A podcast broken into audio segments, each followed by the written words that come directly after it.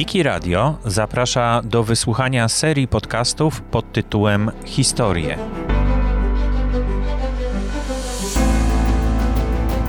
Prawdziwe zdarzenia opowiedziane przez tych, którzy je przeżyli.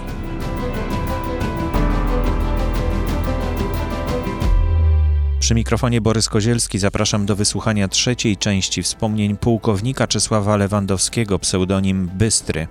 Tematem opowieści jest konspiracja w szarych szeregach z perspektywy doświadczeń kilkunastoletniego chłopca z Żoliborza.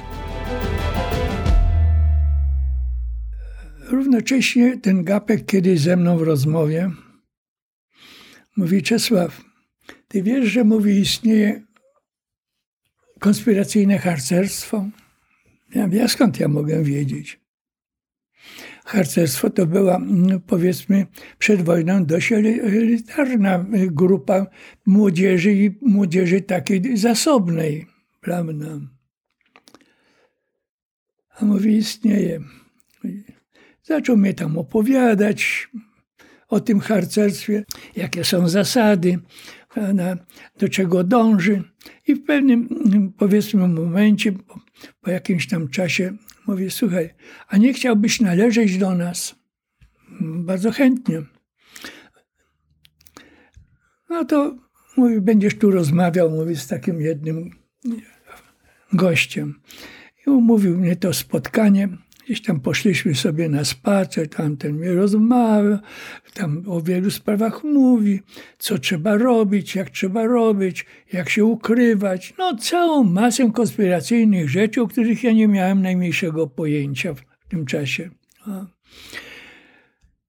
I takich spotkań chyba było dwa czy trzy. Po pewnym czasie była już sprawa przysięgi i włączenia się do konspiracji. Y, jak ja jeszcze byłem tym chojrakiem takim, bo tej bandzie na Marmoncie przewodziłem, trochę byłem prawie, prawie takim, powiedzmy, zastępcą Gapka, jak się połączyliśmy. No, w tej naszej grupie tam, a szczególnie tej bielańskiej, tak, była dziewczyna, taka skromna, bardzo ładna, niewielka, wiecznie zamyślona, wiecznie z jakąś książką, ale ona mi się podobała. Nasze dziewczyny od niej jakoś stroniły, bo ona była trochę bardziej skromna od nich. Nazywała się Krysia Dorant. Okazało się, że mieszka na ulicy Marymonckiej, tam w narożnym budynku, jak jest główne wejście do obecnego AWF-u. No i zacząłem się jej przyglądać. I nie tylko przyglądać, się do niej zbliżać. No, chyba, chyba i ona na mnie trochę zwróciła uwagę, może z tej racji, że ja niezależnie od tych, powiedzmy, takich naprawdę trudnych warunków, nigdy nie używałem wulgarnych słów, nigdy nie klołem. I do chwili obecnej to jest. No w każdym razie jakoś się zaprzyjaźniliśmy. Parę razy mnie zaprosiła nawet do domu. Prawda? Okazało się, że jest jedynaczką, wychuchaną, wydmuchaną, a ja taki łobuziak marymącki, trochę obdartus, prawda? Trochę kanciarz już. O. No ale jakoś to tak było. No podobała mi się, mało tego, że się podobała, prawda? Zacząłem się cieszyć, że się z nią znam i wszędzie, gdzie mogłem, to jej inicjały prawda, zostawiałem. Duże D i w środku K, Krysia Dorant. I to tak było przez pewien czas. Y, rozmawialiśmy bardzo, ona była bardzo oczytaną dziewczyną. Ja z tej racji, y, że ona taką była, ja byłem trochę odstały od tego, też zacząłem sobie trochę więcej czytać. W końcu znalazłem taką bibliotekę na Siemirackiego, tam na tyłach y, tej szkoły oficerskiej pożarnictwa. Taka mała biblioteka, trochę niejawna, prawda? I tam zacząłem wypożyczać książki. Pani bibliotekarka pomału mnie tam wprowadzała w literaturę, najpierw tą najprostszą, a później coraz bardziej, coraz bardziej.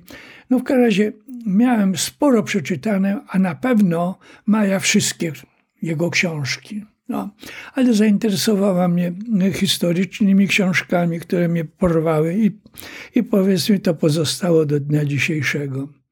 No już się mogłem pochwalić, że ja trochę czytam, mieliśmy już wspólne tematy, prawda? No i tak to wszystko było. No i przyszedł okres, powiedzmy, zaprzysiężenia. Odziało się to na, w domu u tego Gabka. Ja nie wiem, czy ten dom to był ich własnością cały, czy tylko część. No w razie to było na pierwszym piętrze w mieszkaniu. Duży pokój taki na podłodze flaga niemiecka z tym, z tym, prawda, krzyżem niemieckim, prawda, my po tym chodziliśmy i było nas pięć, pięciu chłopców i jedna dziewczyna. Jak nieśmieszne, zobaczyłem, że tą dziewczyną jest akurat moja Krysia Dorant, a nigdy nie mówiła o tym. Zostaliśmy zaprzysiężeni. No i po tym zaprzysiężeniu drużynowy gapek, mówi Czesław, mówi, ty zostałeś wyznaczony jako zastępowy, masz tworzyć zastęp na Marymoncie. Twój zastęp powinien liczyć od 12 do 15, mówi, y, członków. Jak już będziesz miał, mówi, całą grupę, to dopiero pomyślimy, co z tym fantem robić. No, ale mówi, zanim ty rozpoczniesz tą całą swoją działalność jako zastępowy, mówi, będziesz miał jeszcze takie szkolenie tu. I rzeczywiście musiałem chodzić na takie szkolenie, to znaczy na takie spotkania, zbiórki parę razy, gdzie się dowiedziałem, co z tym zastępem robić, co to jest zastęp i jak to robić wszystko. No i z tym zasobem wiedzy zacząłem tworzyć swój zastęp dość szybko. Po pierwsze to ściągnąłem tych kolegów z tej naszej paczki, którym można było, powiedzmy, najbardziej wierzyć. Nie wszyscy na to zasługiwali, no ale tak było. Wciągnąłem parę dziewczyn, dość szybko to zastęp już liczył 10 osób. Biegiem czasu okazało się, że było 16. 16 osób i w tym 5 dziewczyn bohaterskie dziewczyny były. Później się dwie dziewczyny wycofały z różnych przyczyn, prawda? Bo, bo chyba dlatego, że wyjechały gdzieś z rodzicami z Warszawy. A pozostałe te trzy pozostały do końca. I zacząłem tych moich członków zastępu uczyć tego, co mnie nauczono. Okazało się, że to wcale nie takie trudne było. No ale niezależnie od tego, na, na, na pewne powiedzmy zbiórki przychodzili jeszcze z zewnątrz starsi i opowiadali nam o różnych, różnych rzeczach. No i postawiono przed nami pewne konkretne zadania, że mamy po pierwsze zorganizować obserwację ruchu samochodów i kolumn niemieckich na szosie między Modlinem a Warszawą, czyli szosie Marmąckiej, idącej tam dalej przez e, Łomianki, prawda, jeszcze dalej. Dwa, że mamy, e, powiedzmy, zorganizować obserwację tego, co się dzieje na lotnisku, a więc żeby podejść najbliżej i zobaczyć, ile jest samolotów, ile ląduje, ile startuje, jakie to są samoloty, jak jest, są rozstawione warty tam na tym wszystkim, prawda? O, gdzie są składowane bomby. No, a to było tyle, powiedzmy, dla nas chłopaków i tych parę dziewczyn proste, że no, cały teren mm, okalający, szczególnie tam od, od strony Młocin, y, te, te y, ogrodzenia to były z drutu kolczastego, takie dość, dość powiedzmy gęste, y, takimi mm, zaroślami, z których się robiło kiedyś miotły. Nie wiem, jak to się nazywa. To takie gętkie, prawda, rosło. No, to takie duże. To czołgaliśmy się, robiliśmy podkopy pod drutami.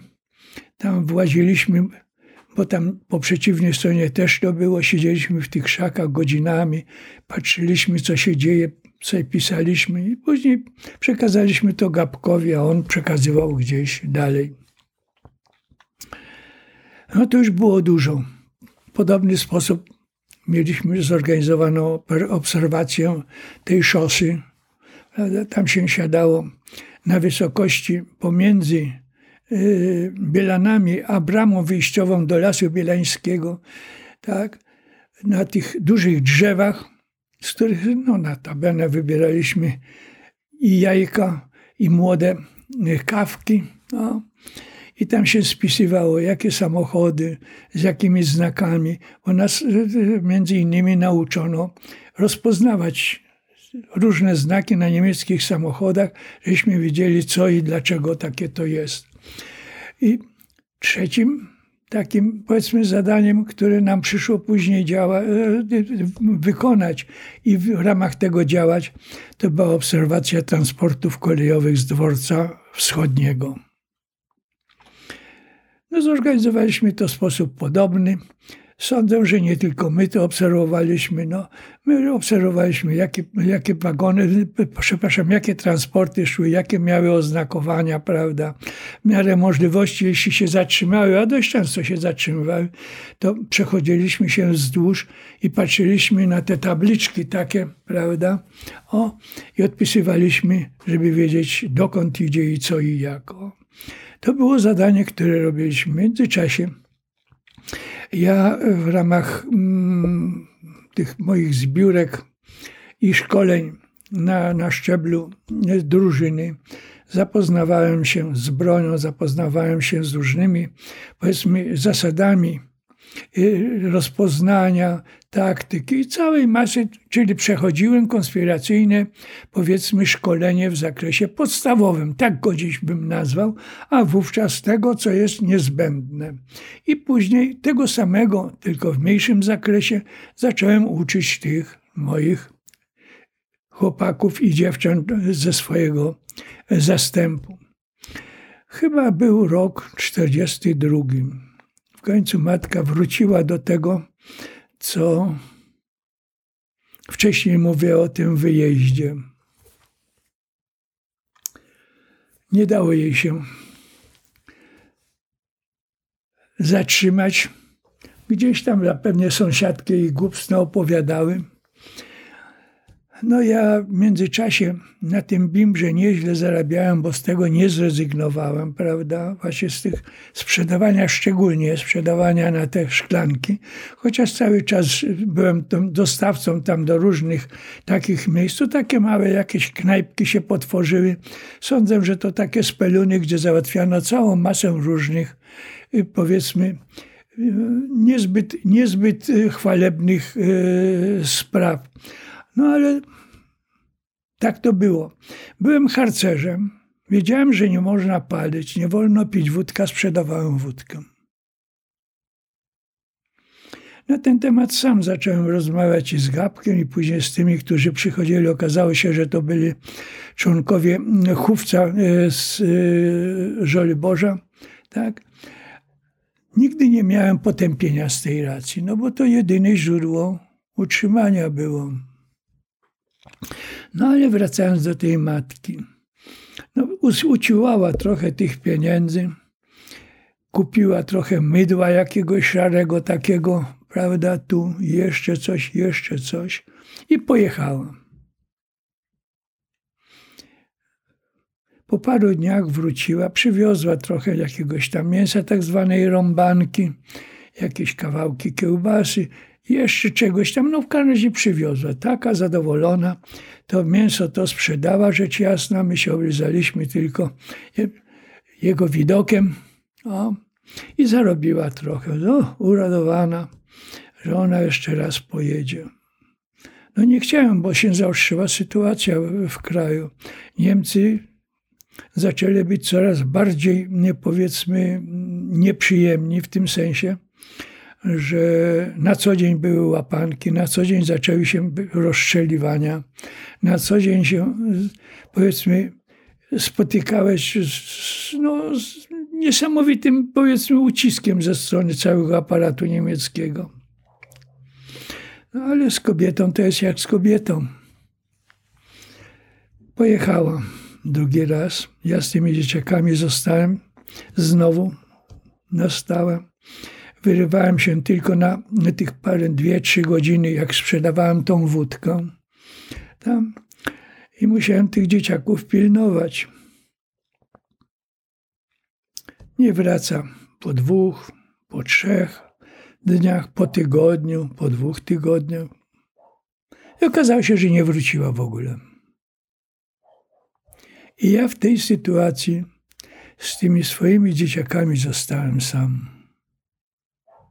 No to już zaczęło być trochę inaczej, bo trzeba ich umyć, trzeba ich ubrać, trzeba ich nakarmić, trzeba jakoś z nimi być, żeby, żeby powiedzmy wiedzieli, że coś trzeba robić, prawda?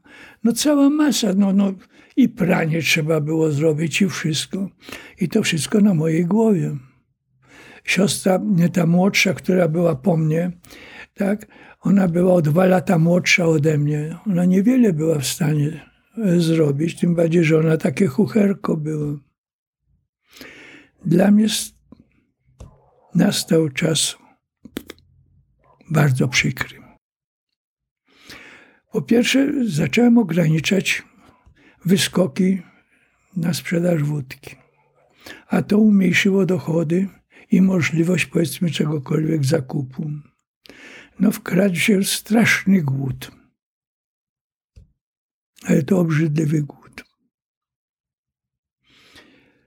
Te dzieciaki rosły, a oprócz tego, jak się turlały, to wszystko się darło. Trzeba było coś zrobić. Ja nie miałem za co kupić.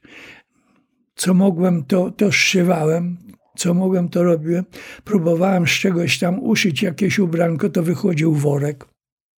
Tyle umiałem.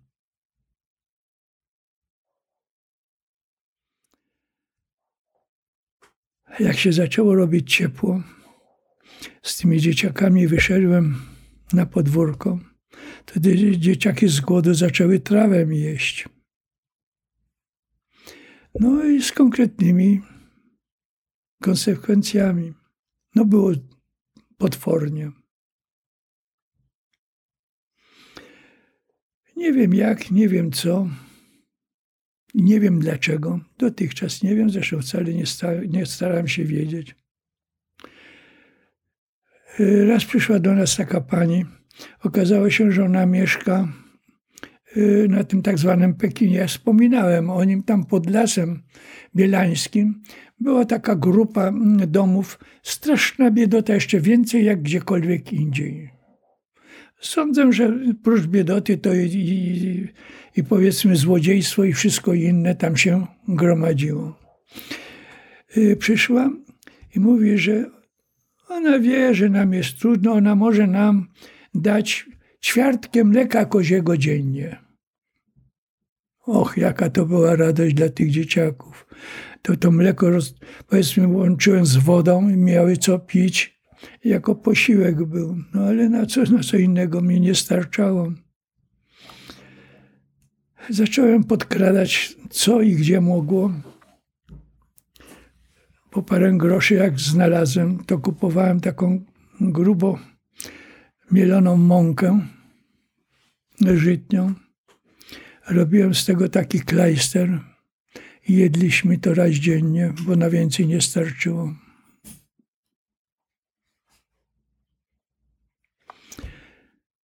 I trwało to dość długo.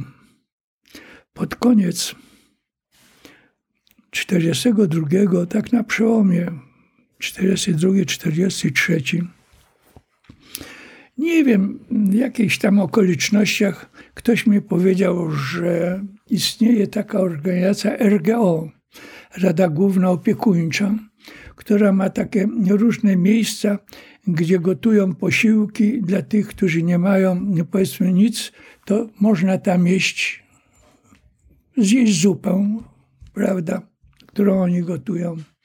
I okazało się, że wcale niedaleko, bo obok Instytutu tego meteorologicznego była taka szkoła krawiecka i w tej, tej szkole to RGO tam organizowało taką kuchnię. No więc poszedłem tam zobaczyć, co jest. Okazało się, że tak, no. Jak poszedłem tam, tam się sam najadłem, bo dostałem jakąś tam miskę, tam od razu zjadłem. No ale na tym się skończyło. Okazuje się, że można powiedzmy tam dostać tej zupy i na wynos. Tylko trzeba z czymś przyjść. No to ja już następnego dnia brałem jakieś naczynie. Nie pamiętam, czy to był garnek, czy coś innego, ale jakieś naczynie.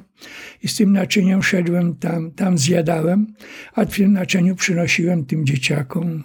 Jaka to była frajda, że było coś ciepłego i coś do zjedzenia. I to było raz dziennie jedzenie. Nieraz jak trochę zostało, to jeszcze powiedzmy dzieciaki dostawały więcej. O. Trwało to tak chyba do połowy 1943 roku.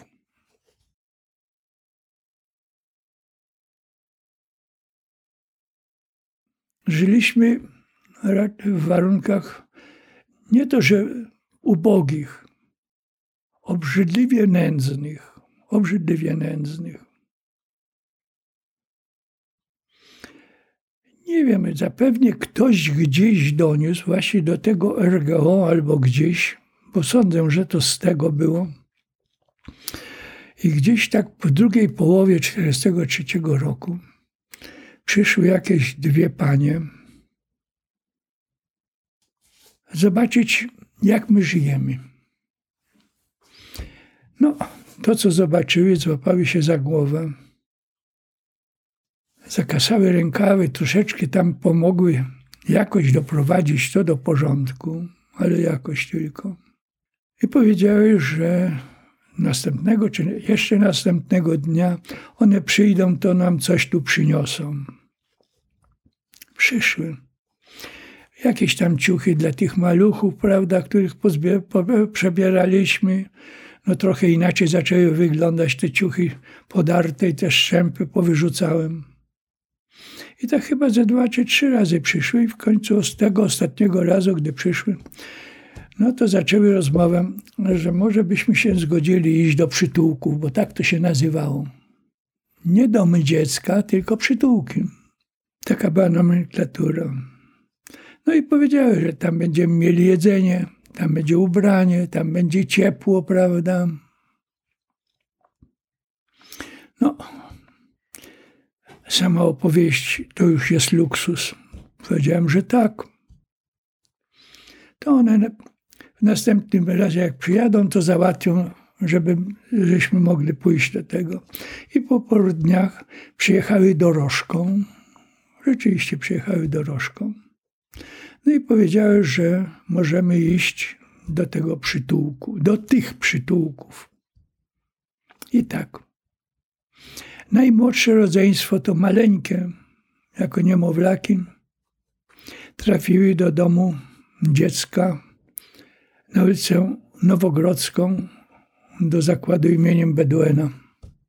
To dwie siostry.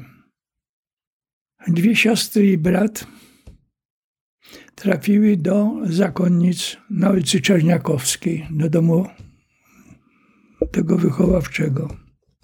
A mnie skierowano do tego przytułku prowadzonego przez księży na ulicę Lipową w Warszawie na Powiślu.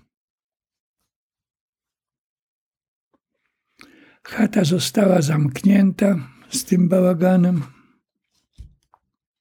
Znaleźliśmy się tam. No sądzę, że te maluchy na pewno ożyły w tym wszystkim. No ale jak ja byłem, a byłem u tych księży dwa tygodnie tylko. Gdy byłem u tych księży, to któregoś dnia jeden z tych księży mówi, że twoje siostry umarły u Beduena. Tyle się dowiedziałem. Natomiast wszystko inne pozostało bez zmian. Byłem 10 czy 12 dni, w każdym razie mniej niż dwa tygodnie, nawet u tych księży nie wytrzymałem. Warunki bytowania u tych księży to więzienie to jest luksusem. Reżim? Chyba w wojsku takiego nie mam. Bicie za byle co. A najgorsze z tego wszystkiego to był nakaz, że mam, tak jak zapewnie wszyscy inni, mówić wszystko księdzu, co kto robi i co mówi. No w ogóle, no, no, no było niesamowicie. To, że jedzenie było powiedzmy słabe, to jest pół biedy, ale było. No. Ale te warunki bytowania były gorsze, a szczególnie to traktowanie tych dzieciaków to było straszne. No mówię, tak psa się nie traktuje, jak nas traktowali ci księża. Niedługo się nie namyślając, przeskoczyłem przez murek i w nogi. Rzecz jasna wróciłem tam, gdzie zamieszkiwałem. I okazało się, że w międzyczasie do tego domu wprowadziła się jakaś tam pani, to znaczy do, do tego mieszkania, bo ono było puste, za zgodą właściciela tego budynku. Bo ja nie wiem, czy o tym, chyba mówiłem o tym wcześniej, że w 1940 roku ten właściciel się ujawnił i zażądał opłaty czynszowej, prawda, żeby mu dowozić na ulicę inżynierską. To, I cały czas to trzeba było robić. Za jego zgodą tam do tego mieszkania ta pani się wprowadziła. No ja przyszedłem, ona powiedziała, że no ona tu już mieszka, ale jeżeli nie mam gdzie, to mogę przenocować tam od czasu do czasu u niej. Ale ja się bałem, że jak ja uciekłem od tych księży, że oni mnie zaczną szukać. Więc nie zdecydowałem się. Miałem tą komórkę, gdzie to drzewo i to wszystko inne tam wcześniej było. No i sobie zrobiłem legowisko i w tej komórce sam spałem. No spałem, nie wiem, parę dni. Okazało się, że nikt po mnie nie przychodzi no to już zacząłem być trochę bardziej odważny. Nawiązałem kontakt ze swoimi chłopakami.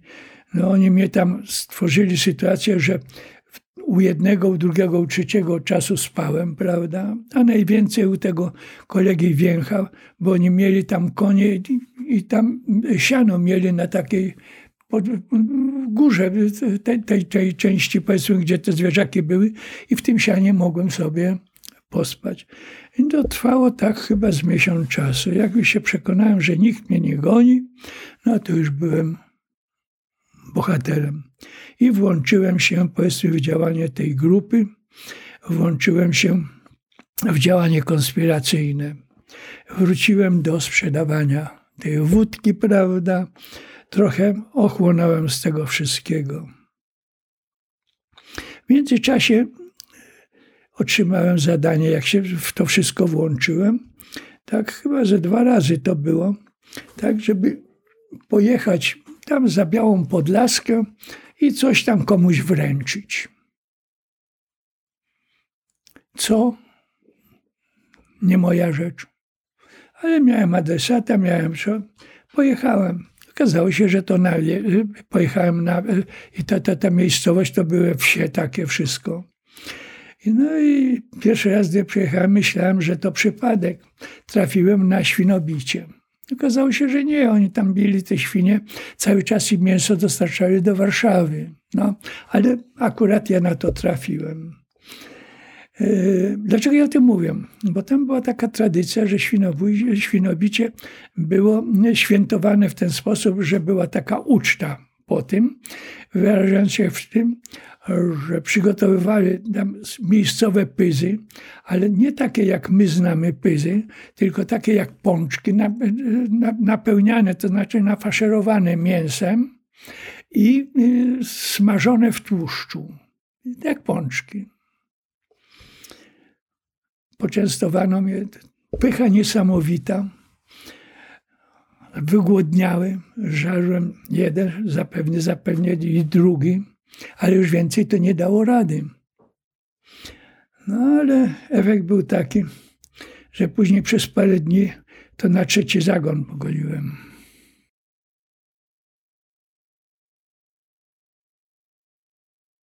No, pojechałem raz, pojechałem drugi raz. Podobna sytuacja była, no ale miałem tą satysfakcję, że się chociaż najadłem. No i tu zacząłem różne rzeczy wykonywać w Warszawie. Skierowano mnie dwukrotnie do getta. Jeszcze getto wówczas było. Tam trudno się było dostać, może jakieś inne były przejścia, zapewne podziemne na pewno, czy kanałami, czy gdzie indziej. Ale ja miałem się przedostać przez bramę przy ulicy Muranowskiej. Na w to getto wjeżdżał tramwaj. I tam była taka brama, i w tej bramie wsiadał y, granatowy policjant. Nieraz wsiadał, wsiadał Niemiec, który blokował tam jakiekolwiek wejście do wagonu lub wyjście z wagonu, i przez to getto tam się jechało. Ja miałem tak zorganizować, żeby tym tramwajem do tego getta się dostać. No rzecz jasna, że znalazłem sposób na to, tak, i się dostałem do tego getta. Powrót był w podobny sposób. Ale to, co ja w getcie zobaczyłem, to byłem przerażony. Ja żyłem w strasznej nędzy z tymi dzieciakami, ale tam taka je, albo jeszcze większa nędza była na każdym kroku, na każdej ulicy. Trupów na ulicy masa zagęszczenie ludzi na ulicy masa, żebrzących jeszcze więcej. No coś potwornego, co, z czym się tam spotkałem, prawda? No załatwiłem tą rzecz, też coś tam komuś miałem przekazać, to zrobiłem, prawda? No. Ale jak wychodziłem, to byłem przerażony, że może tak być. Dwa razy byłem w tym gecie. I dwa razy nie mogłem się pogodzić z tym, co ja widziałem. No, widziałem, jak, jak ta policja żydowska postępowała z tymi Żydami. Tłukli ich niemiłosiernie, tak jak kapo w obozie koncentracyjnym, z czym się później spotkałem. No, za co i dlaczego nie wiem, ale byli no, straszni. Granatowa policja, która też tam patrolowała, robiła to samo. Na Niemcy to już, to już jest szczyt wszystkiego. Jak Niemiec szedł, to nie, nie zrobił kroku, żeby kogoś nie kopnął, komuś nie dał w buzie, prawda, albo karabinem go nie, nie stuknął. No, no coś potwornego, no. To, to, to nie do opisania jest, to trzeba widzieć. No. I to tak wchodziliśmy w okres 1944 roku. No w międzyczasie jeszcze cała masa innych spraw była, chociażby to, że mieliśmy wytyczyć takie drogi, powiedzmy, ucieczki od tramwajów poprzez różne, różne powiedzmy, podwórka, gdzie robiło się przejścia specjalne w razie zatrzymania itp. itp. No z takich, powiedzmy, przejść nawet raz skorzystałem, bo jadąc tramwajem Tramwaj został zatrzymany na Słowackiego na wysokości ulicy Suzina. Niemcy wszystkich, jak to się mówiło, wygruzili. Tam w pobliżu stały te budy i wszystkich tam, jak przechodziliśmy, to ja skoczyłem do bramy, przeskoczyłem na drugą stronę i znając te przejścia, te wszystkie, to parę strzałów, ale to już nie było groźne i uciekłem. I zaczął się rok 44. W międzyczasie pojawiły się takie, powiedzmy, w kraju druki y, książek y, z obiegu, powiedzmy, konspiracyjnego, Dywizjon 303, Kamienie na Szaniec i inne. No pochłaniało się to i ta, ta wiedza nasza, powiedzmy, prócz tej z autopsji, no się nieco, nieco poszerzała. 44 rok, no to już jest okres bardzo ostry. Niemcy zaostrzyli swój reżim chyba maksymalnie. Aż trudno było wyjść na ulicę. Zresztą wówczas to cały czas tak było, że jak się wychodziło z domu, to należało się pożegnać, bo nie wiadomo, czy się wróciło. Ale ten 44 rok był szczególny. No rzecz jasna, w międzyczasie to, to było szereg takich akcji, powiedzmy, podziemia, które były odwetem na Niemców, ale Niemcy odwet brali znacznie szerzej niż, niż to było możliwe, prawda? Bo to było wówczas tych 50 powieszonych. O, z Pawiaka. Zresztą jedno z takich miejsc powieszonych tu mamy blisko siebie. O, to jest tam na, na tym węźle mm, tych dróg y, przy Marywilskiej. O. To było pięć miejsc po dziesięciu powieszonych było jako odwet za, za działanie podziemia. Tak? No, wiadomo, że wcześniej jeszcze był zamach na Kuczerem. No, na co dzień się pojawiały sprawy związane z likwidacją, powiedzmy, szpiegów, z likwidacją konfidentów. I te, to, to, to był codzienny, codzienny, powiedzmy, rytuał, z którym się spotykałem. Ten rok 44 przynosił i groźbę, i nadzieję. Nadzieję na to, że front zaczął się zbliżać od wschodu coraz bardziej. Groźba, bo Niemcy zaostrzyli maksymalnie swoje represyjne historie. Nie wiadomo było, co, kiedy i jak człowieka spotka. My w tej konspiracji wykonywaliśmy równe rzeczy. Ja zostałem włączony do tak zwanego małego sabotażu, a polegało to na tym, że tam malowaliśmy te kotwice, malowaliśmy napisy, wieszaliśmy y, powiedzmy mm, chorągiewki, y, chodziliśmy do kin i przeszkadzaliśmy, a szczególnie właśnie to było w, tym, y, w tych kinach. To była taka akcja dość ostra, tak? polegała na tym, zresztą było hasło takie, że tylko świnie siedzą w kinie. No bo te kina akurat powiedzmy były miejscem propagandy niemieckiej, bo tam obowiązkowy był ten wstęp do tego, prawda, o tych wielkich sukcesach niemieckich. A polegało to na tym, że my chodziliśmy do tych kin, otrzymywaliśmy takie coś w rodzaju żarówek, a nieraz i żarówki, czymś napełnione. I w czasie, jak się rozpoczynał seans, należało to stłuc i uciekać z tego kina. To był niesamowity, powiedzmy, smród po tym. Nie do wytrzymania wszyscy musieli uciekać z sali kinowej. No i my chodziliśmy. Chodziliśmy do tego naszego kina na Suzina, chodziliśmy na Długą, tam do różnych miejsc, prawda, i to robiliśmy. Rzecz jasna, w międzyczasie przechodziliśmy jeszcze takie dość intensywne szkolenie powiedzmy wojskowe, tak bym go nazwał. Polegało na dokładnej znajomości broni, posługiwania się z nią, umiejętności, powiedzmy, walki w mieście. No, no wszystko z tym związane.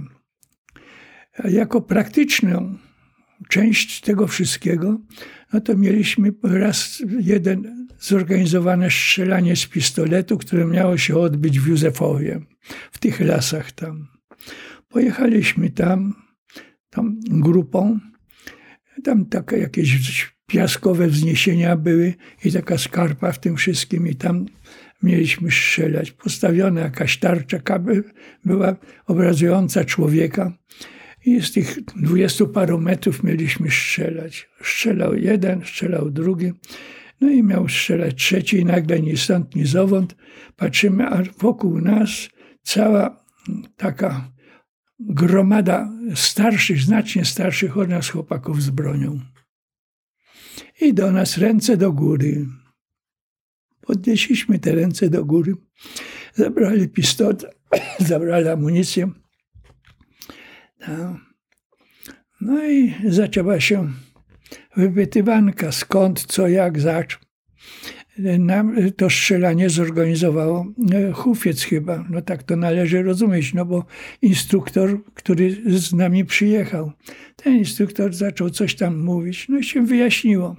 Wyjaśniło się na tyle, że to jest grupa również konspiracyjna, która odbywała ćwiczenia taktyczne w lesie. I my swoją strzelaniną im przeszkodziliśmy, a mało tego, zagroziliśmy, że Niemcy mogą się zjawić, bo tam były strzały. O. No więc pogonili nas, oddali nam ten pistolet, oddali amunicję, a my jak grzeczne dzieci wróciliśmy do siebie, do domu. Drugi raz już strzelań nie było. połowa roku, no to już sytuacja zupełnie jasna. Front się zbliża, słychać powiedzmy te grzmoty frontowe, prawda? Ruch niesamowity. Niemcy w tą i z powrotem jeżdżą. No i żeby było śmieszne, to gdzieś chyba, to w lipcu było, czy w czerwcu, no w każdym razie tak, na przełomie roku zobaczyliśmy, jak Niemcy się cofają. A więc przez Warszawę przechodziła cała masa kolumn niemieckich, porozbijanych, brudnych, z Włachmana. To już nie ta armia, która była, ale z nimi bardzo dużo wycofywało się Węgrów. No i otrzymaliśmy polecenie nawiązać kontakt, bo ci Węgrzy nawet się zatrzymywali tu w Warszawie lub w miejscowościach podwarszawskich, prawda, w czasie tego odwrotu, tak, żeby z tymi Węgrami wejść w kontakt i kupować od nich broń, amunicję, co się dało. No więc dostaliśmy trochę różnych takich złotych błyskotek, prawda, dostaliśmy trochę forsy, tak, dostaliśmy trochę wódki, no i zaczęliśmy robić to. Kupiliśmy od tych Węgrów sporo broni, karabinów, pistoletów, pistoletów maszynowych, nawet RKM kupiliśmy. Kupiliśmy parę skrzynek granatów. To wszystko wytransportowaliśmy, zabrali od nas to i poszło gdzieś. No i to tak było, ale my byliśmy zadowoleni, że Niemcy się wycofują że Niemcy dostają skórę, że o tak to wygląda teraz armia niemiecka. Ale w międzyczasie, tuż po tym wycofaniu, parę dni przez Warszawę przeszła nowe, przeszły nowe kolumny, ale zupełnie różne. Przeszły trzy dywizje niemieckie pancerne na front wschodni. Butni. I to wszystko dywizje wycofane z frontu zachodniego. I to podobno najlepsze dywizje, jakie Niemcy mieli. Kierowali się na most Śląsko-Dąbrowski, dalej na Pragę, no i na przyczółek praski tam pod Radzymin. Chyba w ślady za tym wycofywaniem się Niemców, bo za tymi kolumnami, zaczęła się ewakuacja różnych niemieckich urzędów. Warszawa została, powiedzmy, taka ogocona z całej administracji niemieckiej. Ale równocześnie z przybiciem tych pancernych jednostek ci wszyscy Niemcy wrócili. No i rzecz jasna, zaczęli być jeszcze bardziej butni w tym wszystkim. Nasza działalność konspiracyjna, taka półotwarta już, no ale musiała być ograniczona, dlatego że powiedzmy represje Niemców były niesamowite. Tak dotrwaliśmy do lipca. Pod koniec lipca, chyba 28 czy 29 lipca, jest mobilizacja wszystkich konspiracyjnych grup. Nasza drużyna dostała miejsce koncentracji na Żoliborzu w szkole przy ulicy Czarneckiego.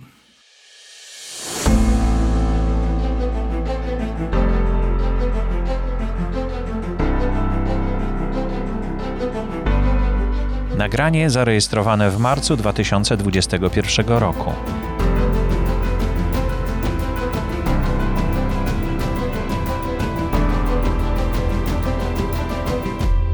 To był odcinek podcastu Wiki Radia serii Historie wspomnienia pułkownika Czesława Lewandowskiego.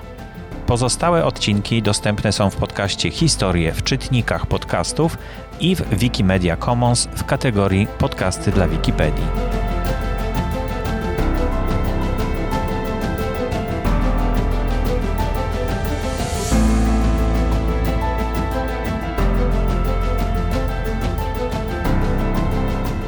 Projekt jest realizowany w ramach nieodpłatnej działalności statutowej Fundacji Otwórz się.